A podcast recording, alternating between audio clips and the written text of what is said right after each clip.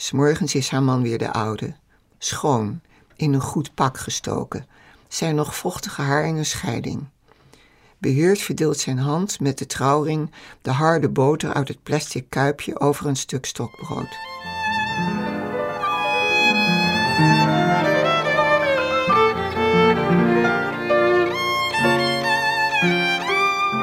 Dit is de 26e aflevering van de podcastserie Uitgelezen Verhalen Literatuur ontmoet theater. Je gaat luisteren naar een heel bijzondere editie, al zeg ik het zelf. In plaats van onze theatervoorstellingen van april 2021, die om pandemische redenen niet door konden gaan, krijg je die geplande show nu compleet als podcast te horen, opgenomen met alle artiesten in de geluidsstudio. Dus niet tijdens een voorstelling opgenomen verhalen zoals je gewend bent. Thema van de aflevering is bedrog. Hoofdgast is schrijfster Mensje van Keulen, van wie twee verhalen voorgelezen worden. één door haarzelf en één door actrice Esther Imkje van Steenis. Verder hoor je een gesprek tussen de schrijfster en de pas afgestudeerde journaliste Lisanne Sikkema. Plus, acteur Bart Slegers van ITA draagt een langer verhaal van Frans Pointel voor. En, en, en, de live muziek die we altijd in de voorstelling hebben is er nu ook. Je hoort speciaal voor deze aflevering gecomponeerde nummers van Floor Minaert, die de muziek ook zelf speelt en daarmee reageert op elk verhaal. Dat is veel, hè? Daarom knippen we deze aflevering in twee stukken. De tweede helft zit in de bonus. Om precies te zijn, hierna, dus in deze aflevering, hoor je de twee verhalen over bedrog van Mensje van Keulen. Tussendoor het interview met haar en de muziek na elk verhaal. En in de bonus, die je dus apart moet starten, hoor je verhalen over bedrog van Hilary Mantel en Frans Pointel. Ook afgerond met muziek. Bij elkaar zo'n anderhalf uur luisterplezier, gratis in je koptelefoon, autogeluidsboxen of de luidsprekers van je kamer. Mocht je onze podcast voor het eerst beluisteren en je afvragen wie dit allemaal tegen je zegt, ik heet Pieter van Scherpenberg, samensteller van het theaterprogramma van Uitgelezen Verhalen en je gastheer in deze podcast. Voor je de opname gaat beluisteren, doe ik nog even een direct beroep op jou, luisteraar. Laat weten wat je van onze podcast vindt. Of van deze aflevering door sterren uit te delen of een besprekentje te schrijven. Doe dat liefst op de platformonafhankelijke website voor podcasts, waar luisteraars en makers elkaar vinden. Dat is podchaser.com. Een soort internet movies database voor podcasts. Om het je makkelijker te maken, zetten we een link naar onze pagina op die site in onze shownotities. Natuurlijk, sterren uitdelen in Apple Podcasts maakt ons ook blij en beter vindbaar, maar het grootste deel van jullie gebruikt die app helemaal niet. Vandaar podchaser.com. Terug naar de inhoud. Bij het thema bedrog denk je misschien vooral aan bedriegen of bedrogen worden van een geliefde door overspel of ontrouw. Twee van de vier verhalen die je hier kunt horen gaan daar inderdaad over, elk op een speciale manier. De andere twee behandelen wat minder emotioneel ingrijpend bedriegen. Verder ga ik er niks over zeggen, het is veel te leuk om de plot van de verhalen zelf hun werk te laten doen. Schrijfster Mensje van Keulen publiceerde haar eerste korte verhaal Een bruiloft in 1969. In Hollands Maatblad was dat. Ze debuteerde met haar bejubelde roman Blekers Zomer in 1972 en in datzelfde jaar verscheen ook haar eerste verhalendebuut, bundel, Allemaal Tranen. Sindsdien wisselde zij romans, dagboekselecties en verhalenbundels af. In februari 2021 won ze de Jema Biesheuvelprijs met haar verse bundel Ik moet u echt iets zeggen. Twee verhalen die je straks gaat horen komen uit dat boek. Actrice in opleiding, Esther Imkje van Steenis, studeert dit voorjaar van 2021 dus af aan de toneelschool Arnhem met een voorstelling gemaakt met twee klasgenoten die zich als groep blond en cynisch noemen en samen verder willen vanaf komend theaterseizoen. Een van hen, Remy Meeuwse, deed mee aan de livestream van Uitgelezen Verhalen in februari 2021, voor degenen die dat hebben gezien. Nu wordt dan eindelijk je geduld beloond met het verhaal. Nu weet je wie Bob is, van Mensje van Keulen uit 2020, voorgelezen door Esther Imkje van Stenis in de studio. Direct daarna hoor je het eerste muziekstuk van Flor Minaert en vervolgens spreekt journaliste Lisanne Sikkema met de auteur. Ze heeft hem al voorbij zien lopen. Zijn roze sjaal en cameljas waren haar opgevallen en nu ze zijn grove gezicht ziet, vindt ze die kleuren nog merkwaardiger. Ze weet hoeveel haar vader weegt en schat de man op 120 kilo. Hij stampt zijn lakschoenen af op de mat, hangt zijn sjaal los en gaat aan de korte kant van de bar zitten. Het lijkt hier wel een loopgraaf voor de deur. Hij heeft een donkere stem. Als je niet oplet, flikker je in één keer van die plank af. Buiten roken is zo nog dodelijker. Er is iets met de kabels, zegt ze. Maar nu het vriest, doen ze er niks meer aan. Is het oké als ik er eentje opsteek? Hij kijkt naar de twee vrouwen die in de hoek bij het raam in een ernstig gesprek opgaan. Er is toch niemand en je baas vindt het goed. Mijn baas? Je baas, je chef of hoe je hem noemt. Ik noem hem Lex. Ja, natuurlijk. Ik ook, al jaren. Hij peutert een sigaret uit zijn pakje. Bijna op. Daar kom ik trouwens voor. Ik wou ze verderop halen, maar ik bedacht ineens dat het net zo goed hier kan. Kan ik ook even op adem komen? Ik mag wel eens op mijn eigen woorden letten. Weet je wat? Ik stop vandaag. Ik ben ik weet niet hoe vaak gestopt, maar vandaag doe ik het echt. Vandaag wil ik ongelooflijk sterk zijn. Ik leg die uh, kleine moordenaar hier voor me op de bar, zodat hij me uitdaagt. Dat is de beste methode. Als ik word uitgedaagd, doe ik alles om te winnen. Geef me maar een biertje. Hebt u een voorkeur? Wat zeg je dat keurig? Waar kom je vandaan? Uh, maakt niet uit hoor, we komen allemaal ergens of nergens vandaan. Je werkt hier zeker pas. Ik heb je althans niet eerder gezien. Hoe heet je? Eva. Eva. Dat is mooi. Dat kunnen ze op de hele wereld uitspreken. Eva. Eefje vind ik ook wel bij je passen. Mag ik dat zeggen? Dan zeg ik: Eefje, geef me maar een koninkje. Een flesje dus, geen tap. Ze schuift twee bierveeltjes naar elkaar toe en zet er een flesje en een glas op. Schrijf het maar op Bob. Hij knikt in de richting van de kassa. Ik betaal altijd aan het eind van de maand. Ze aarzelt.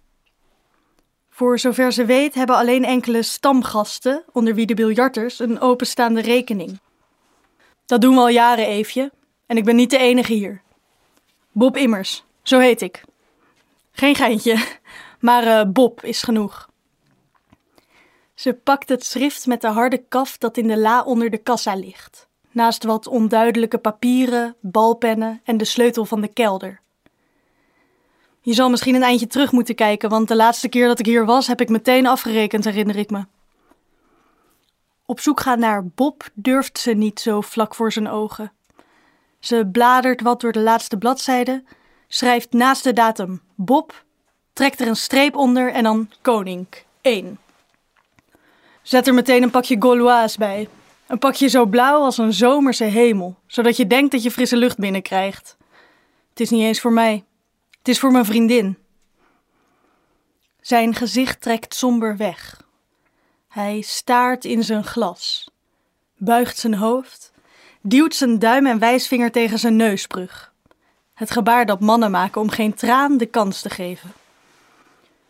Met een gevoel alsof ze hem heeft betrapt, kijkt ze van de twee vrouwen die al een half uur achter hun lege kopjes zitten naar de affiche van een galerie waarop de vage afbeelding van een gebarsten raam Segami staat.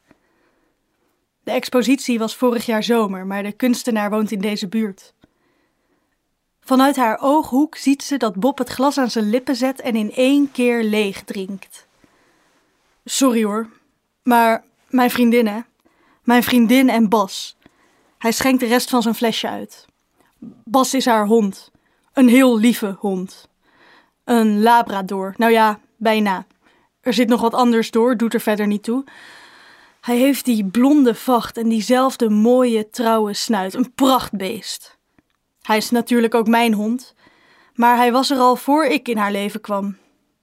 Als het waar is dat één jaar voor een hond zes jaar betekent, woont hij al 78 jaar bij haar en ik maar vier, begrijp je? Ik denk dat ze meer van hem houdt dan van mij en dat vind ik niet erg, want het is zo'n lieverd. Als je s'morgens opstaat en je ziet hem, is het of de zon schijnt. Al is het nog zulk pokkenweer. En nu ligt hij op sterven. Vreselijk, vreselijk. Hij buigt zijn hoofd weer en wrijft over zijn voorhoofd. Ze ziet de kleine zwarte hond voor zich die ze als kind heeft verloren. En daarna springt de tweede hond tevoorschijn. Dickie, die haar ouders buiten haar om een spuitje hadden laten geven en begraven om haar de beelden te besparen. En vervolgens de hamsters, de witte rat, de jonge vogels die het niet redden, het konijn dat verlamd in zijn hok lag, de kat om wie ze met haar vriend twee weken lang iedere avond buiten Karel, Karel heeft lopen roepen. Al die dieren die ze heeft moeten missen, al die hartverscheurende momenten. Ik ben even weggelopen om die sigaretten te halen, zegt hij. Voor haar dus, voor mijn vriendin. Maar eerlijk gezegd kon ik het ook niet meer aanzien. We hebben Bas vannacht op bed getild, tussen ons in. We hebben allebei geen oog dicht gedaan, maar dat geeft niet. Dat heb je er graag voor over. Op dat bed ligt hij dus nog steeds, mijn vriendin naast hem. Hoe lang nog, hè? is de vraag. Hoe lang nog? Hij is heel rustig, maar hij kijkt je aan, hè? Oh, zoals hij je aankijkt. Ik ga zo nog maar eens terug. Ik kan toch aan niets anders denken. En de dierenarts? zegt ze voorzichtig. Tegenwoordig komt de dierenarts ook aan huis. Dat is mooi, maar daar wil Rita, mijn vriendin dus, niet aan. Ze zegt dat Bas geen pijn heeft en daar heeft ze gelijk in. Dat zou je aan hem merken. Ze denkt ook dat Bas meteen doorheeft wat er gaat gebeuren als hij de dierenarts ziet. Nee, dat gebeurt niet, begrijp je, Eefje? Ze knikt. Ze begrijpt. Duwt de schone glazen nog eens over de borstel in de spoelbak. Ho. Ik geloof dat ik mijn telefoon voel gaan. Hij knoopt zijn jas los, haalt zijn mobieltje uit de binnenzak van zijn jas, kijkt erop en zucht. Ik ga wel even naar achter. Schatje, hoort ze hem zeggen terwijl hij langs Segami loopt. In het gangetje achter het biljart blijft hij staan, zijn rug naar haar toe, een hand tegen de muur. En in die paar tellen dat hij daar zo staat, ziet ze het. Hij breekt. Hij breekt en vermant zich. Het is of er een schaduw over haar heen glijdt en ze begint met kleine felle bewegingen de bar te poetsen. Hij is dood. Zijn stem klinkt hees. Bas is dood. Ach, nee, zegt ze. Hoe moet het nu zonder dat lieve beest? Wat heeft het nog voor zin allemaal? Hij pakt de sigaret van de bar, steekt hem achter zijn oor. Ik had erbij moeten zijn. Ik vergeef het mezelf nooit. Wilt u misschien nog een biertje? Godsamme, ik had erbij moeten zijn. Of iets anders, iets sterkers. Nee, nee, dank je. Ik moet gauw naar Rita. Ik moet gaan. Hij knoopt zijn jas dicht, doet hem weer open. Weet je, Eefje, geef me nog maar drie pakjes, dan kan ze even vooruit. En een fles champagne. Lex zal het begrijpen, hij kent haar. Kava is ook goed hoor, maar champagne op het etiket zal haar, hoe zal ik het zeggen, misschien wat meer opbeuren. Eerder troosten. Al gaat het om de bubbels. Daar wordt ze licht van in haar hoofd en dat zal hard nodig zijn, want het wordt een heel zware avond. De eerste biljarters komen binnen. Bob, zegt de een. Tijdje niet gezien, zegt de ander. Jongens, zegt hij. En hij bergt behoedzaam de sigaretten en de fles onder zijn jas. Hij maakt een gebaar alsof hij wil salueren en slaat dan zijn sjaal om. Sorry jongens, ik moet er vandoor. De biljarters hangen hun jas aan de kapstok, halen hun keu uit het voedraal. Is zijn hond weer dood? Lachend krijten ze hun keu. Die is al zeker drie keer dood gegaan, als er niet meer is. Hij kent alle cafés. Kijk maar niet zo sip, Eva. Word je een keertje belazerd? Zo erg is dat niet. Een uh, fluitje en een witte wijn, alsjeblieft. Ik voel me niet belazerd, zegt ze. Je ziet anders behoorlijk pips, meisje. Hij had verdriet. Wel nee, dat was Bob. Nu weet je wie Bob is. Het kan me niet schelen of het waar is van die hond, zegt ze. Hij had verdriet. En ik zag dat het echt was.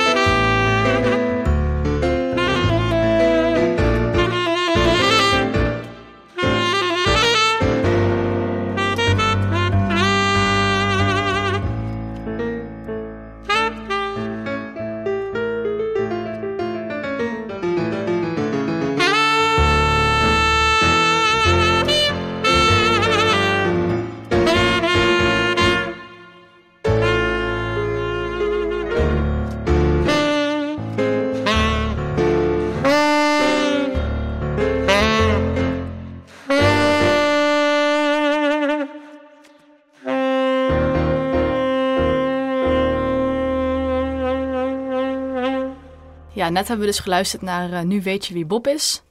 En ehm, ja, het personage, de barvrouw, komt uh, over als een heel erg goed gelovig persoon. Zijn mensen normaal een beetje te wantrouwend of cynisch? Nou, in dit geval is het nog een vrij jong meisje dat in dat café werkt.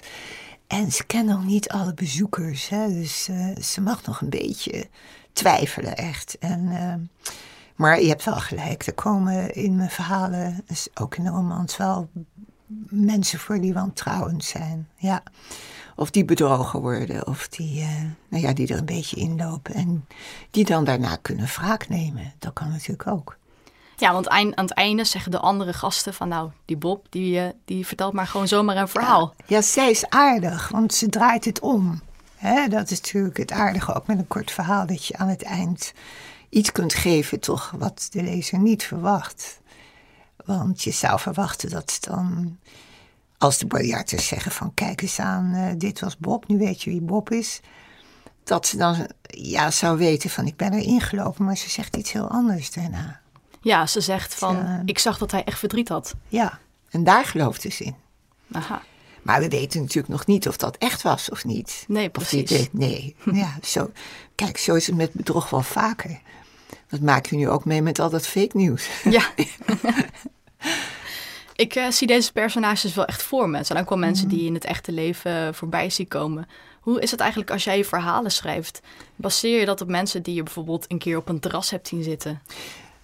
Het is echt wel fictie. In deze bundel staan negen verhalen in. En één ervan, daarvan kan ik zeggen, nou, daarin is de hoofdpersoon wel iemand die ik heb gekend. Namelijk mijn vader aan het eind, het laatste verhaal. Hoewel ik hem heel erg gefictionaliseerd heb. Mm -hmm. Door zijn verhaal te vertellen vanuit hem. En in te vullen, want ik weet niet precies hoe, hoe het werkelijk in zijn leven is geweest. Dus ik, om de spanning te verhogen, wat je toch bij een verhaal heel sterk moet doen is dat op een hele andere manier tot fictie geworden. Maar bij al die andere verhalen is het zo puur fictief. En ja, dan zie die personages, die zie ook ik voor me. Tegelijkertijd is het zo dat je distantie houdt, want je hebt de regie in handen. Dus je moet ze als het ware ook, ja, je moet ze wel zien, maar je moet ze ook koesteren. Je moet mm -hmm. ze ook ervaren, als het ware. Ik heb wel in boeken gehad, ook als ik aan het werk was, dat... Uh, dat als iemand ziek was, dat ik zelf ook zat te rillen. Of als iemand iets at, dat ik dat ook kon proeven.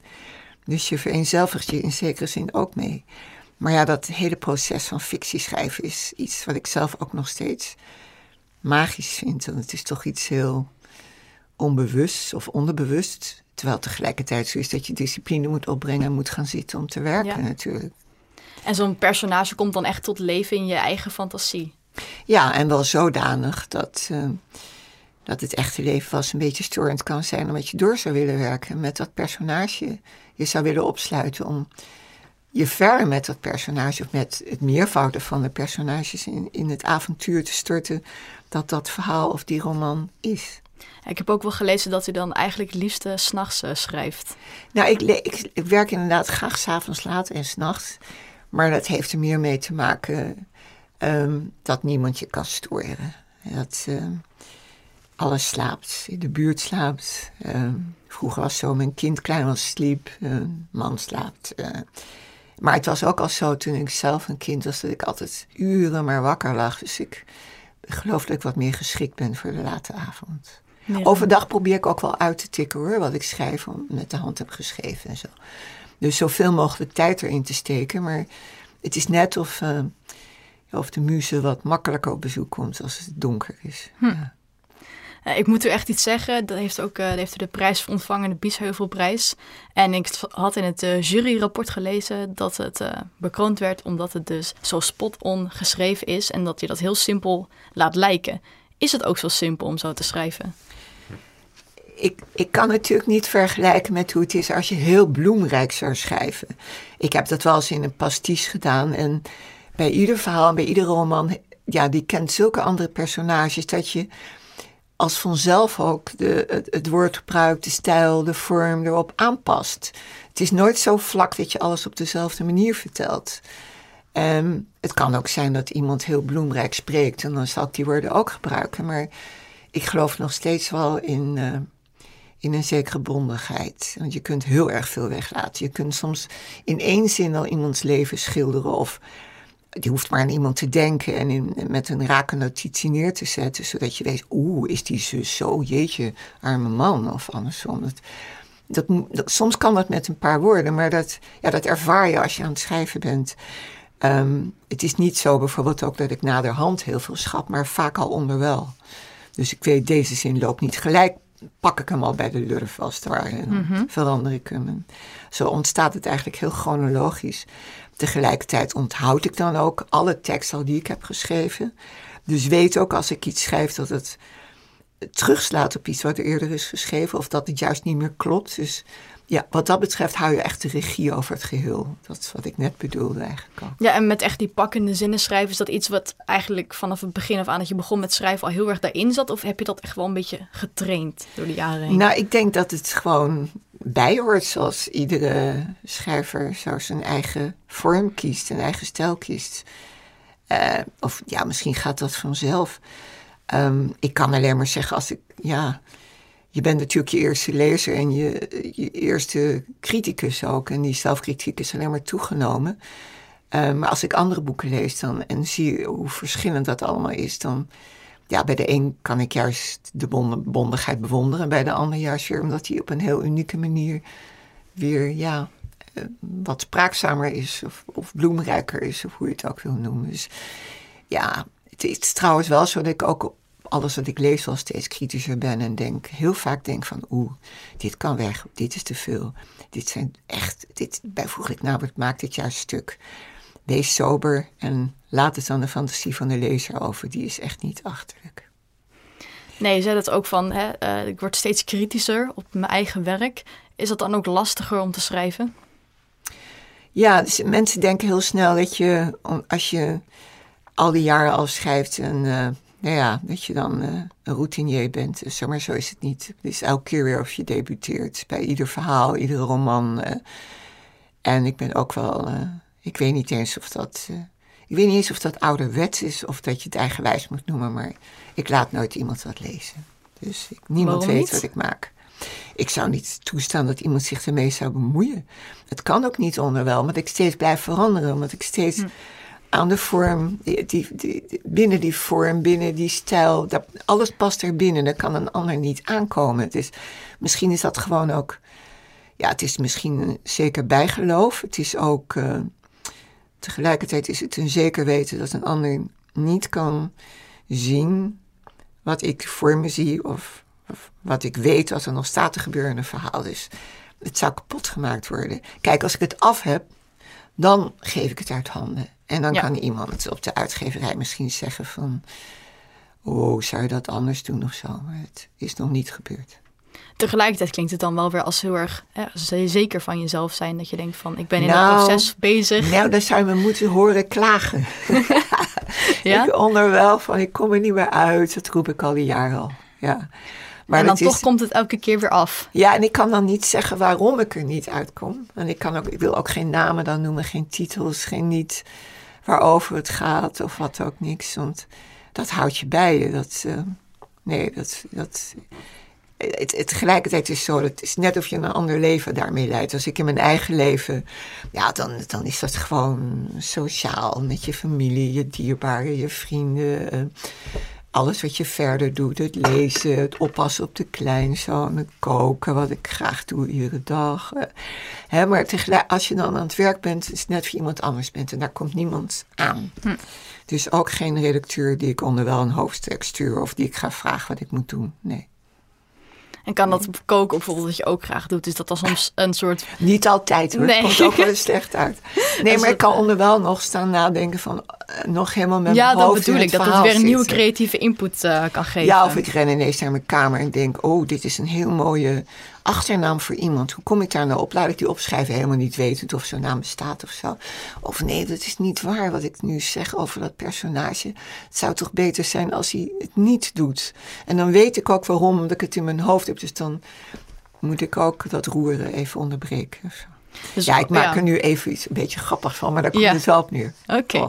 Ja. Dus ook al ben je even niet aan het schrijven, ook gewoon met andere dingen door de dag heen, eh, Ja. blijft het toch in je achterhoofd. Ja hoor, als eh, ik er nu met jou over praat, dan, is, dan eh, hoeft het me niet eens met een vingerknip of ik weet nu al wat ik nu mee bezig ben thuis. Dat personage komt zo, springt zo bij me binnen. En het zou me zelfs nu ter plekke kunnen zeggen van, wat doe je daar? Je moet aan het werk. Zo.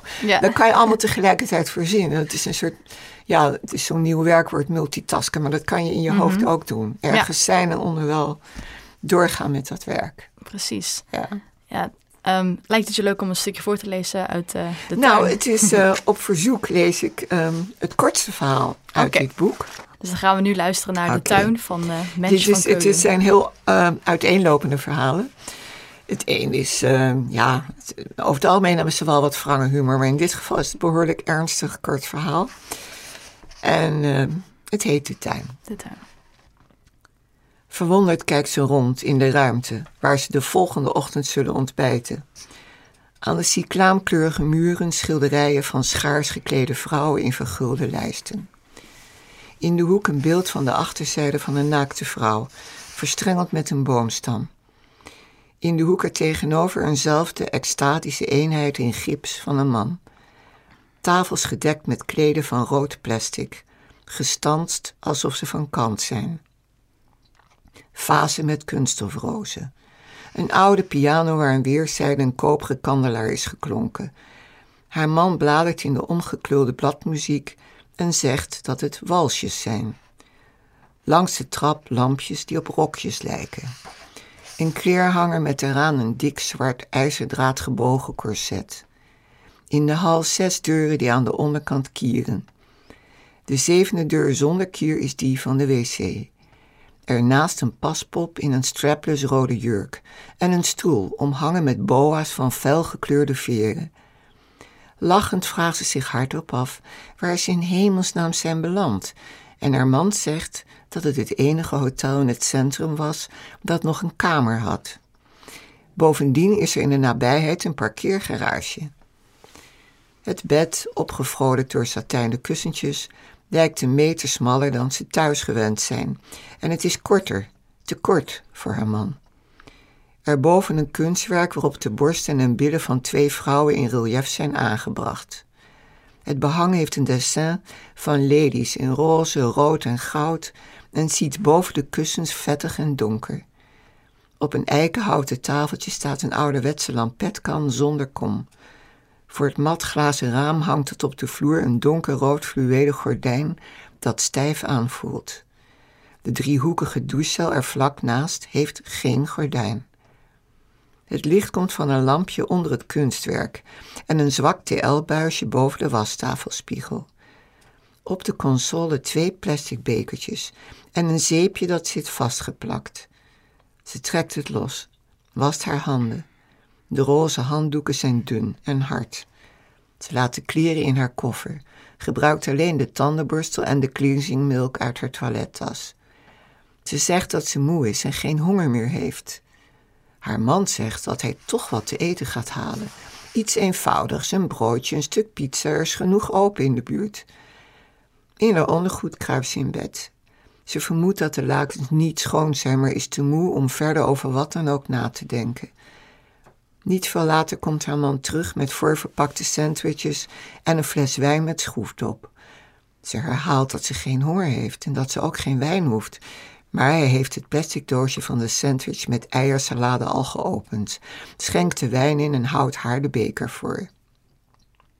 Hij vertelt dat hij beneden de eigenaresse heeft gesproken, dat ze het hotel met haar vriendin runt en dat het vanaf het begin van de oorlog tot voor kort een bordeel was, dat Le Jardin de l'Élys heette. Vandaar dat het nu nog Le Jardin heet. De tuin, zegt hij, gebaart om zich heen. Ze lacht met hem mee, drinkt van de wrange, lauwe wijn en eet een sandwich. Er glipt mayonaise op het laken. Ze veegt het weg met de onderkant van het kussen. Haar man heeft zijn beker al leeg en kijkt of hij haar kan bijschenken. Ze houdt haar hand op de beker, zegt dat ze zo vroeg mogelijk op wil, neemt snel een paar slok en zet de beker op de vloer. Op haar zij gelegen hoort hoe haar man verder drinkt, nog een sandwich eet, zich uitkleedt, in de wastafel plast. De matras golft op als hij naast haar komt liggen en op een elleboog leunt om het licht uit te doen.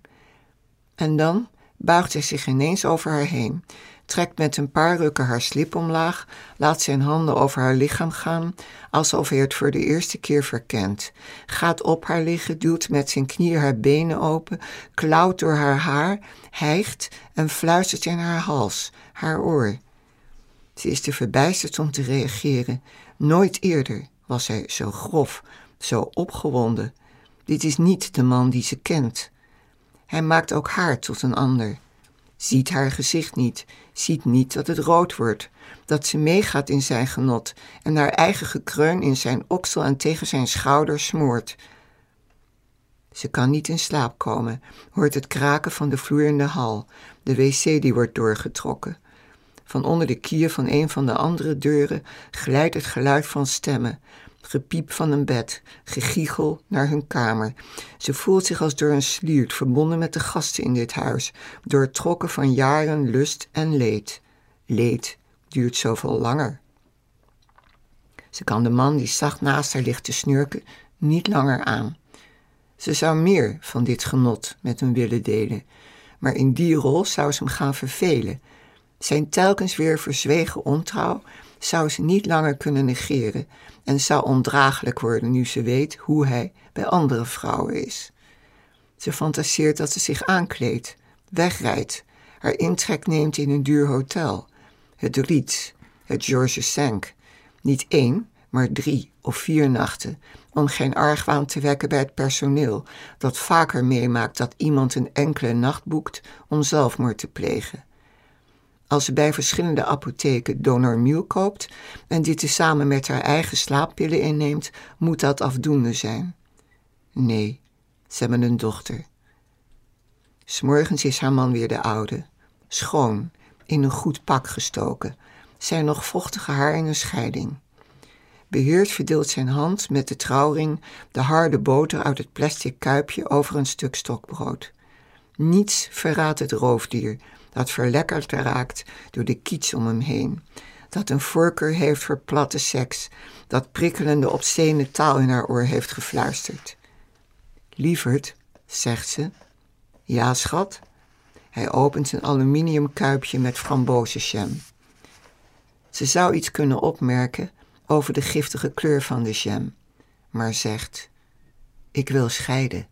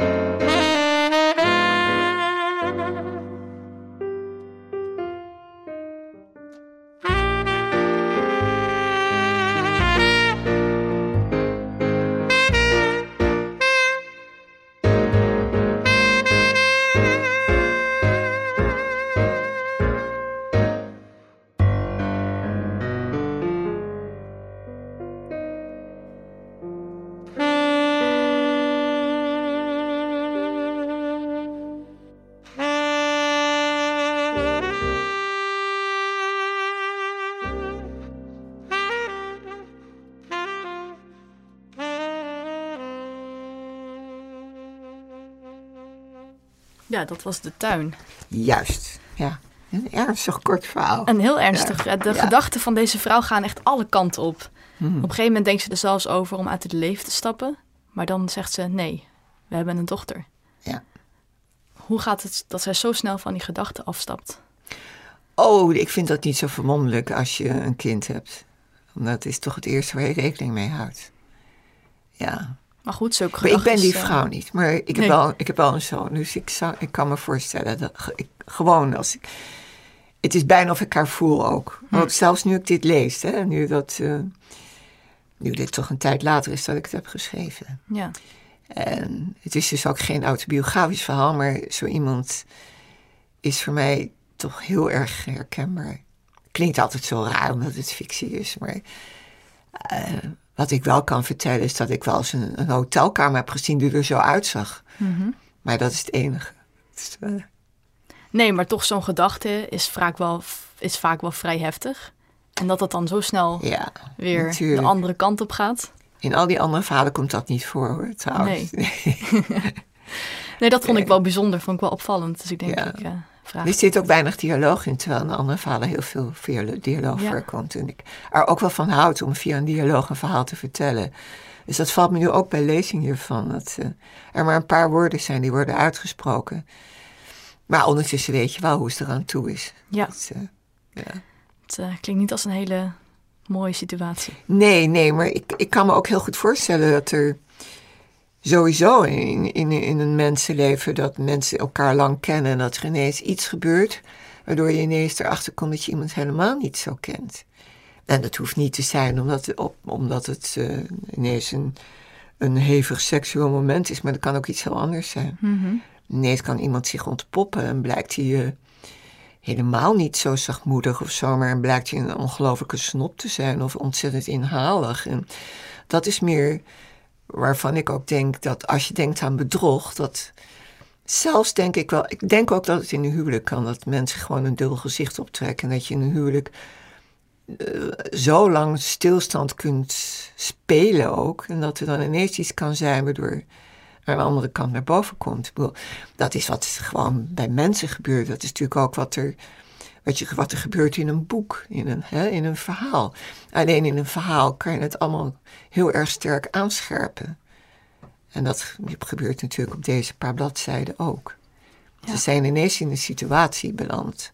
En daar verandert ineens iets. En dat is ook bepalend natuurlijk voor de rest van hun leven. Dat Ja. staat niet meer na die laatste zin, maar dat kan de lezer wel zo invullen. Ja, precies. Hmm. Want ehm, ja, en dus nu afgelopen tijd heb ik natuurlijk ook in de lockdown gezeten, ondertussen al heel erg lang. Zorgt dat bij jou juist voor eh, inspiratie of writersblok? Nee, maar ik dacht eerlijk gezegd van nou, nu krijg ik veel meer tijd Ja. om eh, te schrijven, maar zo werkte dat helemaal niet. Er was van alles wat zich opdrong en wat tijd kostte. En ik ben gewoon aan de slag gebleven en ik ben natuurlijk gewend om eh, me behoorlijk af te sluiten. Dus het heeft niet veel veranderd voor me. Door die lockdown krijg je wel andere dingen, want bijvoorbeeld ook door dit, eh, door dit boek, deze verhalen, was er ineens bijvoorbeeld een, eh, een, eh, een, een leesclub of mensen die, die leerlingen waren van iemand die, die dan ineens aan een verhaal een vervolg willen maken. En, en die me dat dan laten lezen. Dus dat kunnen mensen in lockdown ineens gaan doen. Mhm, ja, Vond ik wel heel geestig. En natuurlijk kan je ook na ieder verhaal verder gaan denken wat zou er kunnen. Maar dat is natuurlijk niet de opzet van een verhaal. Op een gegeven moment weet ik echt wel wanneer iets is afgelopen. het is natuurlijk ook een kort verhaal. Ja, maar je kunt het ook bij een roman denken natuurlijk. Ja. Ja, ja. Ik had ook een interview met de Groene Amsterdammer gelezen, dat je toen had gezegd eh, dat je niks met corona wou doen eh, qua schrijven. Nou, het lijkt me heel vervelend als er allemaal boeken komen die dat als onderwerp hebben. En ja, waar ik nu, wat ik nu maak ook, ik denk je kunt ook in een enkele zin, al is het maar om te zeggen van wees je wel voor, wees voorzichtig of zo, wees alert of zo. Ja. Dan kan je het ook al duidelijk maken als je iets eigen tijd wil schrijven. Tegelijkertijd kun je natuurlijk, maar ja, dat is het punt ook met fictie. Je kunt altijd alle kanten op. Dat, is soms wel voor één woord zo. Dat je zoekt naar een beter synoniem. En Ja. daarom is ook de technische kant van schrijven niet zo eenvoudig. Maar je kunt natuurlijk in een eigen tijdsboek ook heel goed beschrijven wat iemand in het verleden meemaakt. Ik bedoel, dat heeft dan niets met corona te maken. Het kan best zijn dat over jaren dat dat wel ineens een rol kan spelen. dat, dat weet ik niet. Ja. Wie weet wat ons nog te wachten staat. Eh, Ik had wel gezien dat je een bijdrage had geschreven aan een ode aan de boekhandel. ja, Dat was ja. natuurlijk wel een soort Ja. van gerelateerd daaraan. Ja, ja, dat moest ik ook binnen, nou, in een week of acht dagen schrijven. En normaal doe ik echt wel weken, zo niet maanden over een kort verhaal. Dus ik was een beetje ten einde raad van hoe doe ik dat? En ook nog met als onderwerp de boekhandel. En toen zag ik toch ineens, wel door die lockdown, een, eh, een lege boekhandel met een boekhandelaar voor me en een assistent die in gesprek raken. En dan blijkt dat die jongen af en toe boeken bezorgt bij een mevrouw. En toen dacht ik, eh, ik zag het voor me en ik denk, nou, daar zou een heel verhaal achter kunnen steken. Dat er zelfs nog een verloren liefdesgeschiedenis mee samen kan hangen. Dus in een kort tijdsbestek pak je dan ineens een paar levens samen, die in feite pas in de laatste alinea naar boven komt. Dus ook dat was, verhaal was, eh, zoals ik al eerder zei, het is altijd weer voor mij ook een avontuur om het te schrijven. Je weet nooit waar het zal eindigen. Nou, ik overzie het wel, dit ook. Ik overzag wel dat ik dat wilde, maar voor je daar bent, kan het een andere kant op gaan. Hè, En nu is het wel gelukt. Ik, het eindigde wel zoals ik wilde. Ja. Alleen moet je daar nog altijd de juiste woorden voor kiezen natuurlijk. Ehm, maar het kan ook wel eens anders lopen. Ik weet echt nog van, mijn- van mijn debuut bijvoorbeeld... dat de hoofdpersoon Willy Bleker...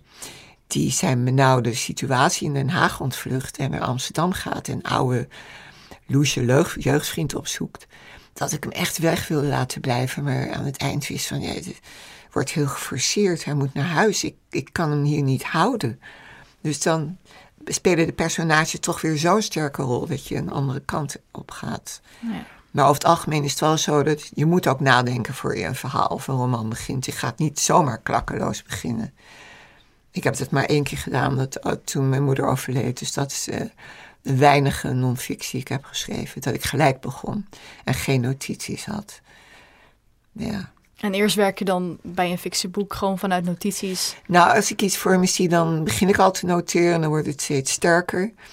Maar onderwijl kan ik ook weer notities maken voor een volgend verhaal. Ik heb, ik denk, honderden en honderden notities die ik niet eens meer heb ingezien in stapelschriften. Dus of ik die aan het eind van mijn leven, wanneer dat ook mogen zijn, nog eens inkijk, ik weet het niet hoor. Misschien hebben de zilvervisjes of de papiervisjes, sorry, er al een eind aan gemaakt. Ik moet u echt iets zeggen, het bestaat natuurlijk uit negen verhalen. Heb je daar zelf ook een favoriet van? Ehm, oei. Nou, misschien de titelverhaal, maar dat, dat was een verhaal dat me overrompelde. Want daarbij zag ik een. Maar ook het laatste verhaal over meneer Harry. Omdat ik daar. Omdat dat. dat het is niet eens semi-autobiografisch, maar het personage van een vader die ik nooit meer heb gesproken. Om die tot een personage te verheffen met een verleden van. Ja, vrouwen in de steek gelaten, in het Vreemdelingenlegioen gezeten. Ik vond het een wonderlijke ervaring om me, om me dat eigen te maken. En eh, in de huid van een man te kruipen ook. Ehm, iets wat me trouwens bij Blekers zomer vaak wel eens... eh, dan kreeg ik te horen, hoe kan dat nou, zo'n jonge vrouw die dan in de huid van een man kruipt. Maar ik vind dat geen enkel probleem bij fictie. Ehm, dat is juist aardiger dat je ook je tegenpolen kunt uitdiepen. Ja, dat is ook weer zo'n raar werkwoord. Maar het titelverhaal, ik moet u echt iets zeggen, dat overrompelde me. En ik zag me echt een... Ik had eerder twee romans waarin al misdaad voorkomt. En waarin een vrouw echt een dochter heeft die een misdaad pleegt. Die ze af wil schermen. Toen dacht ik, hou het zijn als, het, als een vrouw echt een zoon heeft die zo zwaar misdadig heeft. Maar en zou willen verdedigen, maar het kan niet. Want ze komt tot een hele andere conclusie. Maar ze wil de rechter schrijven. En ze is van hele eenvoudige kom af en het lukt haar niet om een brief te schrijven. Hoe zou dat gaan?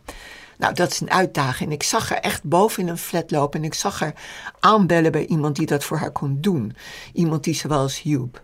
Met planten, water geven als die weg en zo. Nou, zo ontstaat dat. Ja. En dat was iets waar ik zelf ook wel een beetje koud van kreeg. Als ik zag waar die vrouw allemaal, wat ze allemaal noemde over wat haar zoon misdaan had. Ja, dat was nogal wat. Een hele Ja, lijst, ja. inderdaad. En wat ze uiteindelijk wenst Ja. dat er zou zijn gebeurd. Ja. Maar dat kan de lezer allemaal lezen. Dus dat is voor jou persoonlijk een van de sterkere verhalen. Het, het is een verhaal dat ik, waar, dat ik ook ehm, wonderlijk genoeg vrij snel uit mijn pen kwam. Ja. Dat is niet, niet gezegd dat het daardoor beter is of zo. Zo is het niet Nee. hoor. Nee. Sommige dingen kosten heel veel tijd. Ik heb wel eens een alfabet geschreven met 26 versen, dus allemaal op eenzelfde rijmschema en allemaal. Dus iedere letter komt heel veelvuldig voor in iedere aflevering. Dus um, ver Alfons A, Bertus Bol, Carolina Cavia, Daan de daar zijn al die letters komen bij heel veel woorden telkens voor. En in het ene geval had ik dan zo'n vers in drie dagen, in het andere geval duurde het vier weken. En ze zien er allemaal uit alsof ze zo even ja. eruit geschoffeld zijn, maar zo werkt het natuurlijk niet. Je weet het nooit van tevoren. Maar dat verhaal springt er voor u dan wel het meest uh, uit? Ja, dat, dat deed me ook wel wat meer nog. Ja. ja. ja, ik wil je heel erg bedanken voor het interview. Alsjeblieft. Hier sluiten we het eerste deel van de aflevering af. Maar je kunt direct door naar de bonus, die eronder of erboven staat in je podcastfeed, afhankelijk hoe die wordt gesorteerd. Zoals gezegd hoor je daar acteur Bart Slegers van ITA, die de carrière van Frans Pointel met je doorneemt en leest Esther nog een hartgrondig verhaal van Hilary Mantel. En luisteraar, ik hoop dat je hebt genoten van deze podcast en ons blijft volgen. Vergeet niet podchess.com te bezoeken voor je waardering. Hè? Deze aflevering is mede mogelijk gemaakt door het Prins Bernhard Cultuurfonds Overijssel, gemeente Deventer, gemeente Enschede en het Lira Fonds. Aan deze aflevering werkten mee Mensje van Keulen, Esther Imkje van Stenis, Lisanne Sikkema, Floor Minnaert schreef en speelde de muziek en leidde de podcastopname in studio. Dirk-Jan van Ittersum tekent voor de montage en de mastering van deze podcast. De herkenningsmelodie is van Instant Classical, Armeer Swaap en Sietse van Gorkom. Ik heet Pieter van Scherpenberg en gids je door deze 26e aflevering. Graag tot horens in de bonuseditie of een andere keer.